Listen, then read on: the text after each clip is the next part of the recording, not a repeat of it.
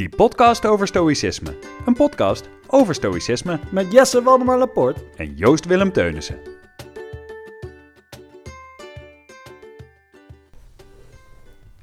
Hallo. Hallo, goedendag. We gaan het er eindelijk over hebben, lieve Ja. luisteraars. We gaan het eindelijk hebben over Viktor Frankl. Ja, We hebben hem al vaak aangehaald. We hebben vaak gezegd, Viktor Frankl, oh, dat was een belangrijke. Oh, dat boek, weet je wel. precies. Ja, we gaan het er eindelijk over hebben.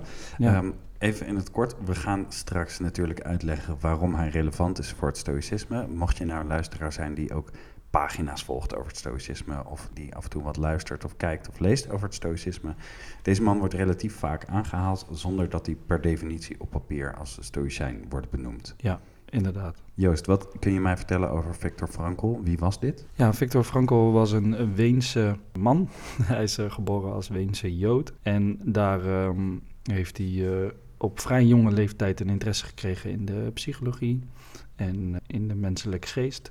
Medicijnen gestudeerd, vrij snel, ja, eigenlijk daarin heel succesvol geworden. Mhm. En eh, in de jaren ehm, twintig dat hij werkte op een... ehm, Heel, heel even belangrijk, hij is geboren in 1905. 1905, Dus, eh, dus ja. eh, even voor de jaren Ja, 20. precies. Ja. Ja. Ja, ja, ja, voor die tijd. Ja, dus hij was echt al in zijn twintiger jaren en toen aan het werk op de Unie. Ja, gaf leiding aan een aantal studenten in met een of andere klas waarin het bijzonder was dat niemand onder zijn leiding zelfmoord pleegde. Ja, dat zegt ook iets over Dat die tijd. precies, dat zegt iets over de tijd en over hem. Ja. En, en daar heeft hij zich eigenlijk een beetje in gespecialiseerd.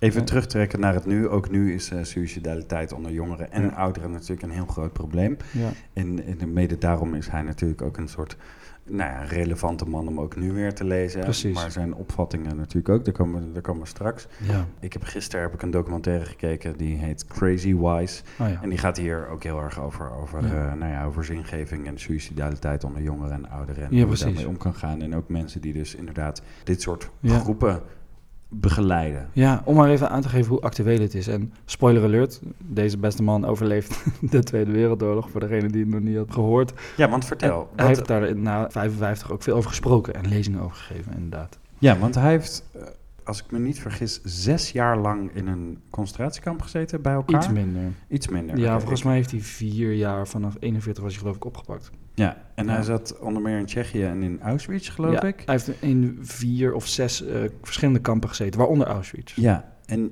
de reden dat wij eh, behoorlijk wat van deze man weten is... we hebben een tijdje geleden hebben we, eh, tegelijk hetzelfde boek gekocht. Ja, En dat gaat over Viktor Frankl. We zagen hem heel vaak voorbij komen Ja. in quotes. En toen dachten we, nou, we zijn wel benieuwd wie dit is. Want Ja. eigenlijk is iedere quote die, hij, die van hem komt, is heel goed. ja, We waren onder de indruk daarvan. En nou schijnt het boek dat je dan moest lezen... een vrij lelijke naam te hebben, namelijk De Zin van het Bestaan. ja. En ja, hoeveel zelfhulpboeken zullen niet zo'n soort naam hebben? Maar we dachten, we gaan ervoor. ja. Hoewel ik persoonlijk zou willen zeggen dat een mooiere titel zou zijn... als je het echt vertaalt, is De Zoektocht naar de betekenis van het bestaan. Ja, Maar misschien klinkt dat minder lekker in het ja, Nederlands, ja. maar het zou wel een eervolle eh, vertaling zijn, naar aanleiding van de nadruk die hij legt op betekenis geven. in het Ja, we, we hadden het misschien eh, betekenisgeving van het bestaan kunnen noemen. Iets, iets in die trant.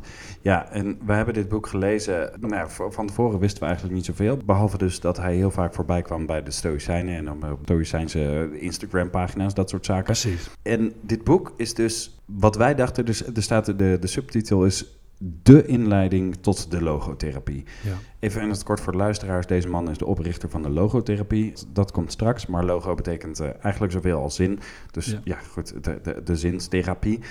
Maar wat blijkt nou, twee derde van het boek gaat eigenlijk over zijn ervaringen in de concentratiekampen. Ja. En daarover wil ik gelijk even kwijt. Dit is by far het heftigste Ja. beste, meest intrigerende boek dat ik ooit heb gelezen over de Tweede Wereldoorlog. En dit verhaal is dus ontzettend objectief geschreven eigenlijk. Hij beschrijft gewoon zijn ervaringen zonder daar daadwerkelijk een, een sausje mening of Ja. emotie overheen te gooien. Maar beschrijft hoe het eraan toe ging met een soort helikopterview.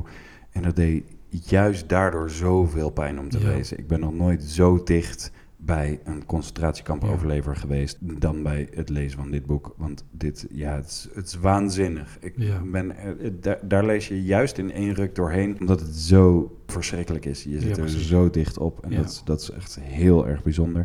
Het laatste deel van het boek gaat dan met name over de logotherapie. Alleen is het onlosmakelijk met elkaar verbonden, want de logotherapie had nooit zoveel betekenis gehad, had deze man niet al dit lijden doorstaan. Ja, precies. Dat, dat is eigenlijk een beetje cru aan de hele situatie, maar dat zeg je mooi. Hij heeft inderdaad al dat lijden, al die dingen die hij tegenkwam in de concentratiekampen, heeft hij eigenlijk bij elkaar gegooid om zijn studie naar de menselijke psyche, zeg maar, nog dieper te maken. En hij heeft heel actief een rol gespeeld in het proberen eigenlijk gezond te houden van de menselijke geest binnen de kampen. Hij heeft Ja. hele comité's opgericht en samen met andere medegevangenen geprobeerd om eh, anderen te helpen, steungroepen, praatgroepen. Dat mocht hij allemaal oprichten in, eh, in bepaalde kampen. En dat, dat, dat heeft hem zelf denk ik heel veel geholpen, want hij haalt daar betekenis uit. Ja. Maar inderdaad, als ik ook maar even terugdenk aan die eerste periode van het boek. En ik raad iedereen aan om dit eerste deel van dit boek in één ruk door te lezen. En kan te voelen en te ervaren. Nee, Nee, je kan nee. het ook niet anders. Dus dat, dus dat hij de meest ehm, nare dingen omschrijft. Die, Dat maakt het ook zo ontzettend bewonderenswaardig wat mij betreft. Is dat als je dit allemaal hebt gelezen, dan kun je je haast niet voorstellen dat er iemand uitkomt die zegt... hey, nou, dit is de zin van het leven Ja. en het is allemaal top.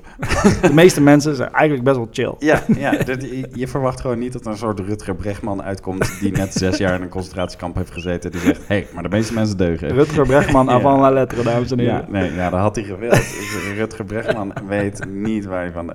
Als, als je dit boek hebt gelezen, ja, sorry, maar je wordt echt van je sokken geblazen... Wat, is- waar hij vandaan komt. En dan vervolgens, want dat maakt het zo krachtig, hij klaagt niet. Nee. Hij zegt, dit is wat mijn Ja. leven betekenis Ja, gaf. precies. Schindler's List in boekvorm, dames en heren. Ja, ja, en dat, nou ja, dat, dat, is, echt waanzinnig goed. Later meer daarover. Ja. Ehm, waarom wordt hij veel gequote door de Stoïcijnen? Even een, een korte samenvatting alvast, voordat we naar, naar quotes gaan en verder gaan praten over wat deze man eh, heeft geschreven. Ja. De Stoïcijnen zeggen in de regel: accepteer de dingen waar je niets aan kan doen Ja. en controleer je reactie daarop. En dat is ook wat Viktor Frankl heel veel doet in zijn boek, heel veel zegt, heel veel in het concentratiekamp ook heeft gedaan. Hij zegt er waren gewoon dingen, daar kon ik niks aan doen. Dat was verschrikkelijk, het was heel koud, daar kon Ja. ik niks aan doen. Wat ik wel kon doen, was aan mijn vrouw denken en bedenken dat als ik vrijkom, dat ik haar misschien zie. ja. Bijvoorbeeld iets in die trant. En wat hij wat dat betreft heel erg stoïcisme 101 doet, is het accepteren van de situatie Ja. zoals hij is. Hij kan daar niks aan veranderen, dat Ja. weet hij, dat probeert hij ook niet. En laat zijn emotie daarin niet leidend zijn. Hij weet, het heeft geen zin om boos te worden, het heeft geen zin om verdrietig te worden. Ik voel wel verdriet, ik voel wel pijn, maar het heeft geen zin om zoals sommige mensen woedend te blijven, want daarmee heb ik alleen mezelf. Ja. En dat is natuurlijk, ja, stoïcisme 101. Laat je Precies. emotie niet leidend zijn. Je emotie mag er zijn, maar eh, neem de situatie voor wat die is. En wat jij kiest is je houding ten opzichte van die situatie. Ja, om daaraan toe te voegen was een fundamenteel principe binnen zijn later ontwikkelde logotherapie de vrijheid van keuze. Ja, En dat hoor je ontzettend vaak binnen het stoïcisme natuurlijk ook. Maar hij gaat daar echt ook op in. Een van de quotes die wel eens van hem voorbij kwam was bijvoorbeeld tussen Mm. impuls en reactie Ja, zit een moment. Er Ja. zit een stukje tijd. En die tijd is van jou en die kun jij gebruiken. ja, dat is eh, denk ik de eerste waar we zo van onder de indruk waren. Ja. Dat hij inderdaad zegt, er is een impuls en er is een reactie. En daartussen zit een heel klein beetje Heel klein. Ja. Ja, en dat, dat is fascinerend ook om dat zo te zien. Omdat je- het, het is vaak ook heel klein. Ja. Ik bedoel, eh, iemand rijdt jou bijna aan en jij roept meteen, hé, hey, wat doe je? Ja. Maar daartussen is heel even keuze. Ja. En hij zegt, die keuze is aan jou. Tuurlijk schrik je, tuurlijk ben je boos, bang, verdrietig, iets.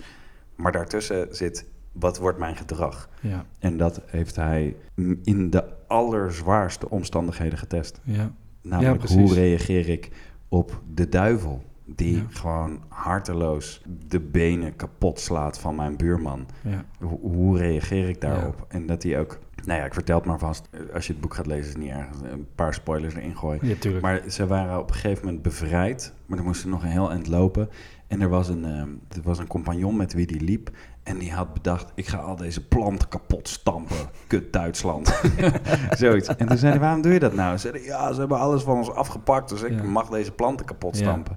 En toen zei hij, ja, maar dit- waarom zou je dat doen? Dit- die planten hebben jou niks gedaan. Nee. Eh, Duitsland aan zich heeft jou niks gedaan. En je schiet er helemaal niks mee op om nu deze planten, zeg maar, laat dit niet de overhand krijgen. ja. En ik vond dat zo bijzonder dat je dan een concentratiekamp uitkomt. En dat was voor hem ook heel onwerkelijk, dat, dat zegt hij ook wel. Mm.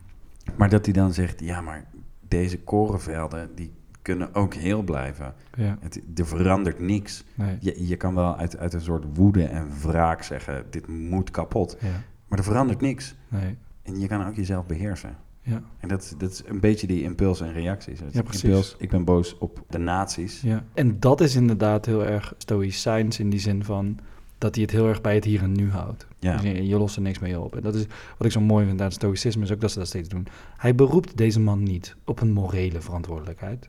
Hij beroept hem niet op een goddelijke straf die hem boven het hoofd hangt. Hij beroept hem niet op allerlei externe factoren van buiten. Maar hij houdt het heel erg bij hemzelf. ja, En dat is in mijn ervaring wat stoïcisme ook heel vaak doet. En dat is het erg houden voor wat het is. En wat kun jij doen? En ja, hè, wat is aan jou en wat is niet aan jou? ja. En uiteindelijk richt die compagnon dus schade aan. Ja. En hij niet. Terwijl hij misschien wel dezelfde woede voelt. Oh ja. En hetzelfde verdriet en dezelfde pijn en dezelfde Ja. radeloosheid. En daar stopt hij. Dan is het, maar, maar mijn gedrag is een keuze. Mijn, Ja. mijn emotie niet. Maar mijn gevolg, mijn actie wel. Ja. Goed, laten we naar de inhoud. Yes. Ben je- ben- ja, oké daarmee? Ik ben er helemaal oké mee. Hey, ik heb dit, eh, dit boek, heb ik, nee, laat ik gewoon eerlijk zijn. Ik heb voor ons allebei heb ik dit boek gekocht. Ja. We zijn het op hetzelfde moment gaan lezen en waren echt, nou, we hebben het hierover gehad. Ja. Oh, eh, Op de app gewoon dingen gedeeld. Wat de fuck lees ik nou? Ben je al daar? Ja, ja, ja. Over die, dat hij zoveel geluk haalde uit die ene soldaat die viool aan het spelen was midden in de nacht. En dat hij gelukkig was. In het concentratiekamp. In het concentratiekamp. Ja, waanzin. Hey, ik, heb, eh, ik heb heel veel onderstreept in dit boek. En wat toevallig is, ja, voor vandaag had jij een quote uitgezocht. Ja. En die had je in het Engels gevonden. Maar diezelfde quote heb ik onderstreept. En ik heb er een huilend poppetje bij gezet. Ik denk dat ik heb moeten huilen toen ik dit las. Eh, de, de, de quote die was iets korter. Ik heb namelijk de hele alinea waar het Ja. over gaat, heb ik eh, eh, geselecteerd. En ik zou hem graag helemaal voorlezen. En ik denk dat dit altijd het moeilijkste stukje is voor de luisteraar om bij te blijven. Omdat als iemand een lang stuk voorleest, nee, blijf er maar eens bij. Eh, Mocht je een lage spanningsboog hebben, luisteraar, het gaat om de laatste paar regels. En anders eh, spoel je maar even terug. Wij, die in concentratiekampen hebben geleefd, wij zijn de gevangenen niet vergeten die door de barakken liepen om anderen op te beuren en te troosten, die hun laatste korst brood aan een medegevangene schonken. Hun aantal was wellicht klein, toch hebben deze mannen overtuigend bewezen dat één ding de mens niet kan worden ontnomen: de allerlaatste menselijke vrijheid, de keuze onder alle omstandigheden zijn eigen houding te bepalen, zijn eigen weg te kiezen. Dat is natuurlijk eh, Stoïcisme 101. En dan heb ik straks nog wel een stukje dat ik graag zou willen voorlezen. Dat gaat over psychisch lijden en hoe dat, Ja. een- hoe dat zin heeft. Maar even over dit stukje. Joost, wat zeg je ervan? Ja, eh, dat was echt een prachtig stukje in het boek ook, dat hij dit benoemt. Ik, ik krijg er ook wel gewoon weer een beetje kippenvel van, want Mm. het brengt me terug naar zijn omschrijvingen van die kampen. Het brengt me terug naar het leed wat hij zag bij anderen, het leed wat hij zelf heeft ervaren.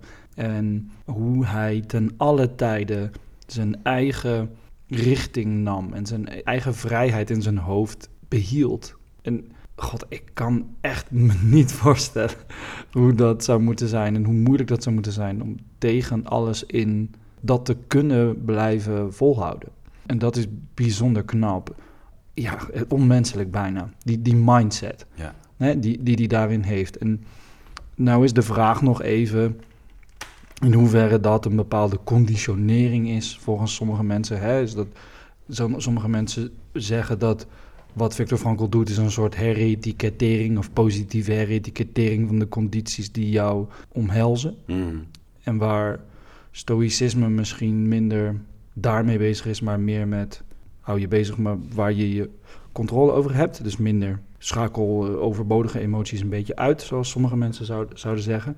Maar waar het zich zo mooi raakt, is die vrijheid van die keuze. Ja. Die altijd wordt benadrukt en ook in zijn werk heel erg naar voren komt. En, eh, hij zal waarschijnlijk weinig van het stoïcisme hebben gehoord. In de speeches en de interviews die hij heeft gegeven, wordt weinig van het stoïcisme teruggebracht. Maar deze man was met alle ervaringen en de manier waarop hij in het leven stond, was hij een soort, volgens vele mensen, een soort hedendaagse Marcus Aurelius. ja. En dat voel ik gewoon als ik dat lees. Deze man zou wat dat betreft ook een geweldige keizer zijn geweest, denk ik. Dat denk ik Ja, ook. en Ik kan, me, ik kan me niks voorstellen bij het lijden dat hij heeft doorstaan. Nee. Helemaal niks. Nee. Maar dat hij het dan heeft over mensen die hun laatste korst brood gaven aan de mensen die het slechter Ja. hadden. Terwijl, ik heb wel eens momenten dan, ehm, weet ik veel, dan komt, dan komt een of andere wilde hond aanrennen. En dan ben ik met een groepje mensen en ik merk dat ik dan eigenlijk geneigd ben om achter die andere mensen te gaan staan. wat, wat heel lullig is, want dan worden jullie maar aangevallen. weet je. Menselijk schild. ja, zo- ja, maar daar sta ik dan niet eens bij stil. Het gaat Ja. gewoon natuurlijk zo. Ik moet schuilen. Nou ja, nu, Ja. nu sta jij voor mij. Ja. en, dat, en dat je dus in de, in de meest erbarmelijke situatie ooit zit. Nou ja, dat is best wel een logisch moment om te denken... ik stop dit stukje brood in mijzelf, want Ja. anders ga ik dood. Ja. Als jij dan nog de kracht vindt om te kiezen... ik geef dit aan een ander... Ja. dan beheers je echt ontzettend je eigen reactie in je houding en je gedrag. En dat hij, zoals hij in die quote zegt, zelfs als je echt niks meer hebt, heb je nog steeds de allerlaatste menselijke vrijheid. De keuze onder alle omstandigheden zijn eigen houding te bepalen. Als iemand dat mag zeggen, is hij het. Ja. Zeg maar, want jij en ik kunnen wel zeggen, ja, maar je hebt altijd vrijheid van keuze. Ja, dat is wel zo, totdat iemand aan mij vraagt, ja, maar hoe zou het eh, zijn als jij in een Ja. concentratiekamp zat? Dan zou ik zeggen, dat weet ik niet. Nee. En hij weet het. Ja. En hij deed het. ja, precies. En ik vraag me af wat hij zou zijn als hij niet eh, Victor Frankl, de, de Joodse kampbewoner, is, Mhm. wat was. Ik vraag me af wat we dan zouden zeggen. Ja, deze psychotherapeut met zijn nieuwe Weense school, nummer drie alweer. Ja, Hè. Na eh, Freud en Adler komt deze man. De ene had het over genot, de andere over weer iets anders. En deze man heeft het over betekenis. Ja, zal wel. Wat kom jij over betekenis praten? Oh, je hebt vier jaar in een concentratiekamp gezeten. Oh, oké, nee. Die credibility is meteen En nog, boem eh, erin. en nog heb je keuze over hoe je reageert. Ja, Ja. ja. Nee, ja, dat is waanzin. Het is waanzin. Ja. En dat is zo bewonderenswaardig. Dit is het grootste dat er is, wat dat betreft. Echt. Dan wil ik gelijk even een bruggetje maken. We zijn inmiddels iets verder in de podcast.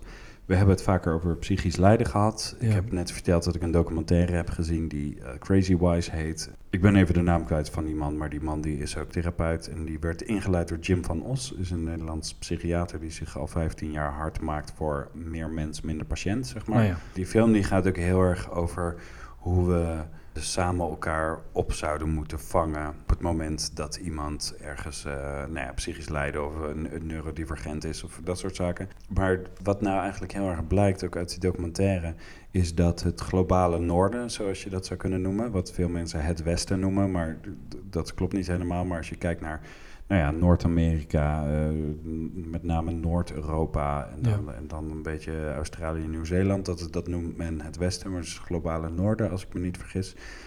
Wat we daar heel erg hebben is dat we de afgelopen honderd jaar eh, steeds individualistischer zijn geworden. En dat waren we al een beetje. En het verschil is dat bijvoorbeeld als je eh, naar sommige stammen kijkt in Zuid-Amerika of in Afrika, dan zie je dat wanneer iemand stemmen hoort, dan wordt dat gezien als een kracht. Ja. En het is niet zo dat ze allemaal sjamaan worden of zo. Maar dat, dat komt wel voor. Maar ze vangen het in ieder geval samen op. En op Ja. het moment dat iemand, nou ja, neurodivers is, zoals wij dat zouden noemen. Wij stoppen het allemaal in de DSM. En als je mensen onder de loep neemt, overleeft niemand de DSM. DSM-5 is in principe, Ja. het- daar staat zelfs cafeïneonthouding, stoornis in. Dus in principe valt iedereen in die DSM. Misschien even, even kort wat, wat DSM is voor de Eh, mensen die de afkorting niet snel paraat hebben.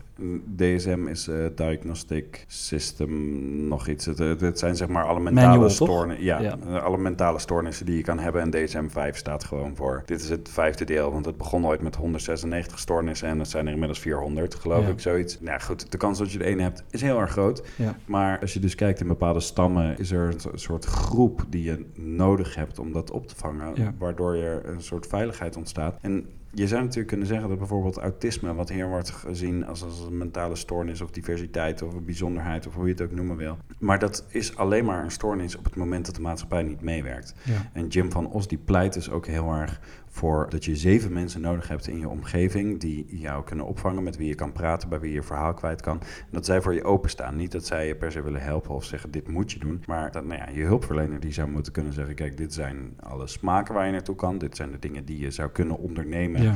En kies jij maar, want jij bent de ervaringsdeskundige. En daarbij moet je van die zeven mensen met wie je praat, eh, zou het fijn zijn als er ervaringsdeskundigen bij zitten, goede vrienden bij zitten, maar echt mensen Ja. die met, met open armen en open oren naar je luisteren.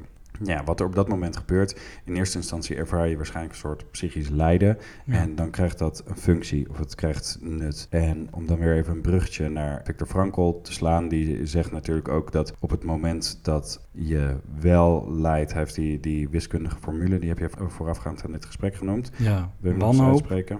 wanhoop is lijden min betekenis. Ja, want Viktor Frankl heeft hier natuurlijk ook over geschreven. En ik, ik ben zelf natuurlijk ook ervaringsdeskundige als het gaat om psychisch lijden en wat het ook met je fysiek kan doen. Jim van Os heeft het ook heel erg over dat psychisch lijden juist niet in het brein gezocht moet worden. Niet alleen maar in gesprek, juist omdat vaak wordt er overhand genomen door psychisch lijden.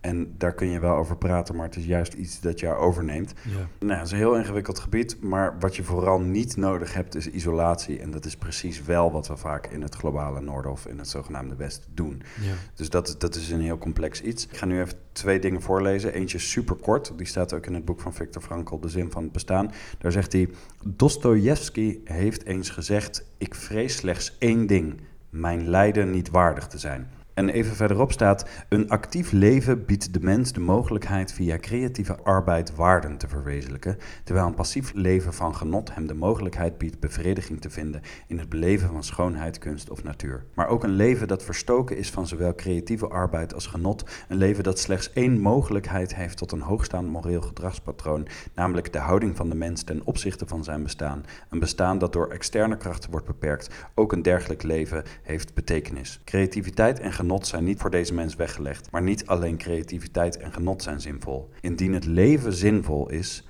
dan moet ook lijden per definitie zinvol zijn. Lijden vormt een onuitwisbaar deel van het leven, evenals het noodlot en de dood. Zonder lijden en dood is het leven van de mens onvolledig. Aldus Viktor Frankl, Ja. die dus zegt, als het leven zin heeft, en daar zorgen we als het goed zelf voor, volgens hem, dan heeft ook lijden zin. Ja. Dus als jouw leven geen zin heeft, heeft je lijden geen zin. Nou ja, dat, dat zou je kunnen ja, zeggen. precies. Maar zijn hele idee van de logotherapie is dat je ofwel op zoek gaat naar de betekenis, Ja. ofwel de betekenis vindt. Maar soms is de zoektocht naar betekenis de betekenis van je Ja. leven. Dus zelfs dan heeft lijden zin. Ja. Ja. Mooi is dat. Hij heeft ook eh, met heel veel mensen gesproken in eh, ziekenhuizen over de hele wereld. Hij heeft na de Tweede Wereldoorlog is hij ook twintig jaar lang in een of ander ziekenhuis gewerkt. Ik weet niet meer precies. Maar daarin zei hij ook in een interview ooit over dat hij dus veel aan uitwisseling deed met andere landen. En met veel lezingen gaf en met mensen in gesprek ging Mm. over de, de medische praktijk. En dat hij dus met een, een verpleegster, geloof ik, een gesprek had die met een man werkte. En die man, die, nee, sorry, een vrouw werkte. En die vrouw die had een ongeluk gehad waarbij ze alle vier haar ledematen was verloren. Mhm. En deze vrouw die kon alleen via haar mond met een soort stokje die ze had op een soort typemachine brieven typen naar mensen. En dan zetten ze haar voor de tv. En op het moment dat er een nieuwsitem voorbij kwam, waarin iemand leed werd toegedaan, Mhm. begon deze vrouw gewoon meteen een soort manisch te typen met haar hoofd, met haar stokje. Begon ze bemoedigende brieven te typen naar die wauw. mensen. Deze vrouw stond actiever in het leven dan, dan gemiddeld of zo. Terwijl ze dus echt alle ledematen niet meer had. Dat eh, omschrijft hij ook in, eh, in, in zo'n interview als zijnde... je hebt heel weinig nodig om betekenis te ervaren in je leven. Of misschien heel veel. Ja, In die zin dat, dat voor haar zoiets verschrikkelijks precies de reden is dat zij betekenis haalde Ja. uit het leven. Dat zij, dat zij precies daarmee heeft ontdekt van ja, maar kijk tot wat ik ben gereduceerd, waardoor ik nu ja precies. jullie dit kan sturen. En, en Ja. in die zin heb je inderdaad heel weinig nodig. Als in, je, hebt, heel- je hebt heel weinig producten nodig, hoe zeg ik dat? Maar je hebt heel weinig nodig. En tegelijkertijd kun je dus uit al je lijden misschien wel betekenis halen. ja hij voegde daar, nu, nu je het zegt heb je ook helemaal gelijk. Hij voegde daar namelijk ook aan toe. Die vrouw zei dat daarvoor, voor het ongeluk wat ze had gehad... ze een soort existentiële leegte had ervaren. En dat dat juist nu was opgevuld. Dat ze juist nu betekenis aan haar bestaan kon geven. ja, En dat is ook wat hij in datzelfde interview zegt en waar jij eigenlijk ook net al een beetje over sprak, is dat we zeker in ons, eh, zoals je mooi zegt, ons eh, geografische noorden, globale. oh sorry, globale noorden. Victor Frankl omschrijft eigenlijk vanaf de jaren 55 een soort existentieel verval Mm, waarin hij steeds meer ziet en merkt dat waar hij al in de jaren twintig mee bezig was, namelijk het voorkomen van, van zelfmoord en het dus bevorderen van betekeniszin in het Mhm. leven, dat dat eigenlijk in gevaar wordt gebracht. Ja. En zijn- en zijn- zijn werk steeds groter wordt. En het misschien wel steeds, moeilijker wordt om eh, zoveel mogelijk mensen te bereiken. En ik denk dat we allemaal, zonder per se cijfers of tabellen of, of wetenschappelijke artikelen met bewijzen te hebben, allemaal kunnen beamen dat de afgelopen 60 jaar op een soort gevoelsmatige basis ook gewoon het leven, niet alleen in westerse gebieden, maar ook in veel gebieden die inmiddels ook gewoon ja, dicht bevolkt zijn geworden, zij China, maar noem Zuid-Amerika ook, waarin de percentages van mensen die een bepaalde zinloosheid ervaren in hun bestaan alleen maar is toegenomen. Mm. En zeker als we kijken, heel recentelijk, naar de coronasituatie. ja. Ik Wat, denk, wat ook weer natuurlijk isolatie ten top ja, is. ja, precies. Ja. Dus, dus hoe moeilijk is het om betekenis te ervaren als je niet je support group van zeven mensen hebt, zoals jij omschreef. Eh, sorry, zoals Jim omschreef. Ja, ja. Of Jim, hoe heet hij? Jim van Os. Ja, Jim van Os, zoals Jim Ja. van Os omschreef. Dus dat maakt dat het juist zo enerzijds pijnlijk wordt benadrukt hoe belangrijk het is Ja. in deze moderne samenleving dat wij ervaren dat er mensen zijn met wie wij onze ervaringen en onze gevoelens eh, kunnen delen. Ja, maar En- daarin is dus bijvoorbeeld zo'n DSM misschien juist een muur. Ja, Omdat op het moment dat wij niet zeggen... oh joh, vertel, maar wij zeggen... oh, hier heb je een label, ga maar Ja. weg... ja, dat je dus die groep steeds kleiner maakt. Ja. En, en dat is iets waarvan we iets zouden kunnen leren. Dat je wel in veel andere culturen dus inderdaad ziet. We hebben misschien niet de labels. En mm, ja, misschien word je wel shamaan en eh, geloof je daar Ja. helemaal niet Ja. Weet, weet ik veel hoe het ja, gaat. dat kan natuurlijk. Maar het, maar het is wel zo dat die opvang en die openheid, Ja. je ziet dat dat werkt. En dat- bij veel resultaten in onderzoek zie je ook dat op het moment dat iemand goed wordt opgevangen door zijn omgeving en een warm vangnet heeft en dat soort Ja. zaken, en er wordt een goed gesprek meegevoerd, dat dat ook invloed heeft op de klachten. ja, En dat wil misschien niet zeggen dat je stem weggaat of je psychische ondervindingen, ja. maar het lijden wordt minder. En dat, dat wordt daadwerkelijk gezien. Dat vind ik mooi dat je dat zegt. Ik, ik moet daarbij denken aan een kind wat sinds, sinds een niet heel lange tijd bij ons op de kinderopvang zit. Voor mensen die het weten, ik ben werkzaam in de kinderopvang. En op mijn locatie wordt ook voorschoolse opvang aangeboden.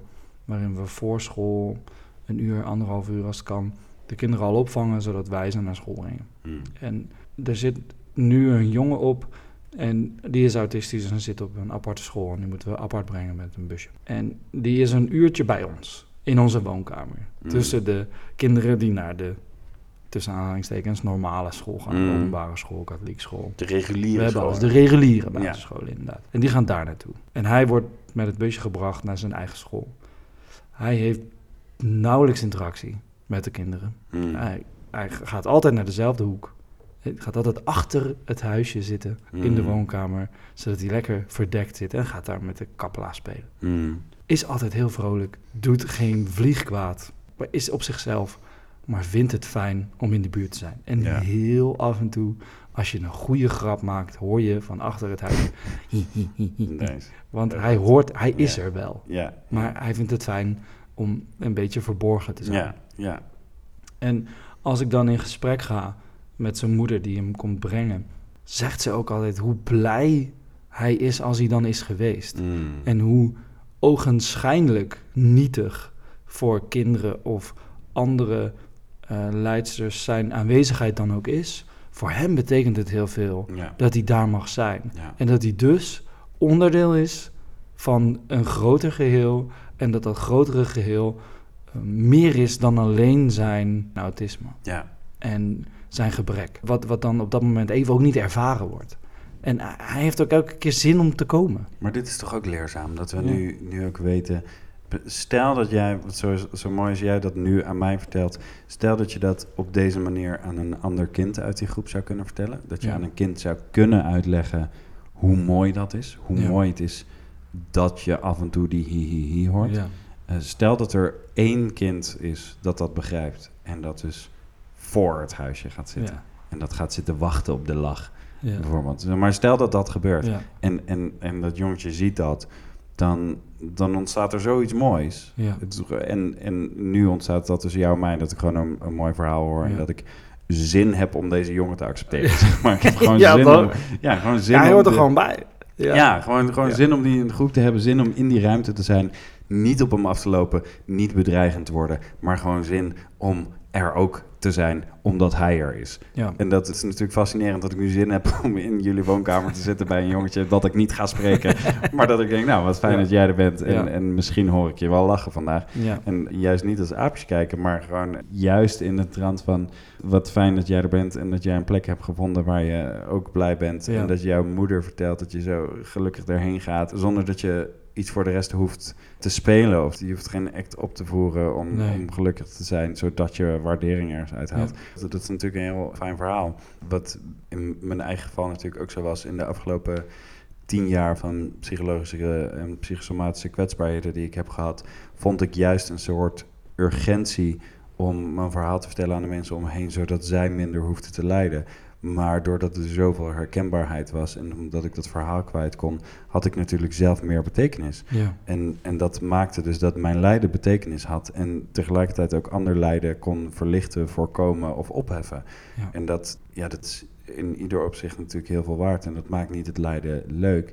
Lijden is ook niet leuk, maar dat betekent niet dat het betekenisloos is. Yes. En ik denk dat dat is waar ook Victor Frankl het over heeft. Die heeft zoveel ellende meegemaakt en tegelijkertijd zoveel ingezien waar hij iets aan had. Ja. Dat hij misschien wel niet had meegemaakt, had hij niet geleden. Ja, ja, precies. En dat is denk ik ook echt de basis van zijn logotherapie. Want zijn logotherapie nu, we horen er niks meer van terug. Wij hebben zelf, voordat we dit gesprek hadden, hebben eigenlijk geconstateerd dat het soort van getransformeerd is tot een aantal modernere vormen van therapie. En Zoals ook het stoïcisme. Ja, precies. Zoals Ja. ook het stoïcisme eigenlijk nu weer aan een soort revival bezig is, zouden we kunnen zeggen. Maar ook is geadopteerd binnen een aantal andere Ja. stromingen die we weer Ja. andere naampjes zijn gegeven. Zoals we dat doen met dingen. Hè? Zoals we alles weer gewoon andere stickertjes gaan geven. En dat was ook we zijn twintig jaar verder. We moeten het nu een ander naampje geven en we, we veranderen het iets. Dat was ook in die documentaire Crazy Wise. Ik dacht de hele tijd, oh, dit gaat eigenlijk over logotherapie. Het gaat over betekenis geven aan je leven binnen lijden. Maar jullie noemen het gewoon niet zo. Ja, En het was absoluut logotherapie. ja precies. Ja, Ja, ja, het is gewoon een,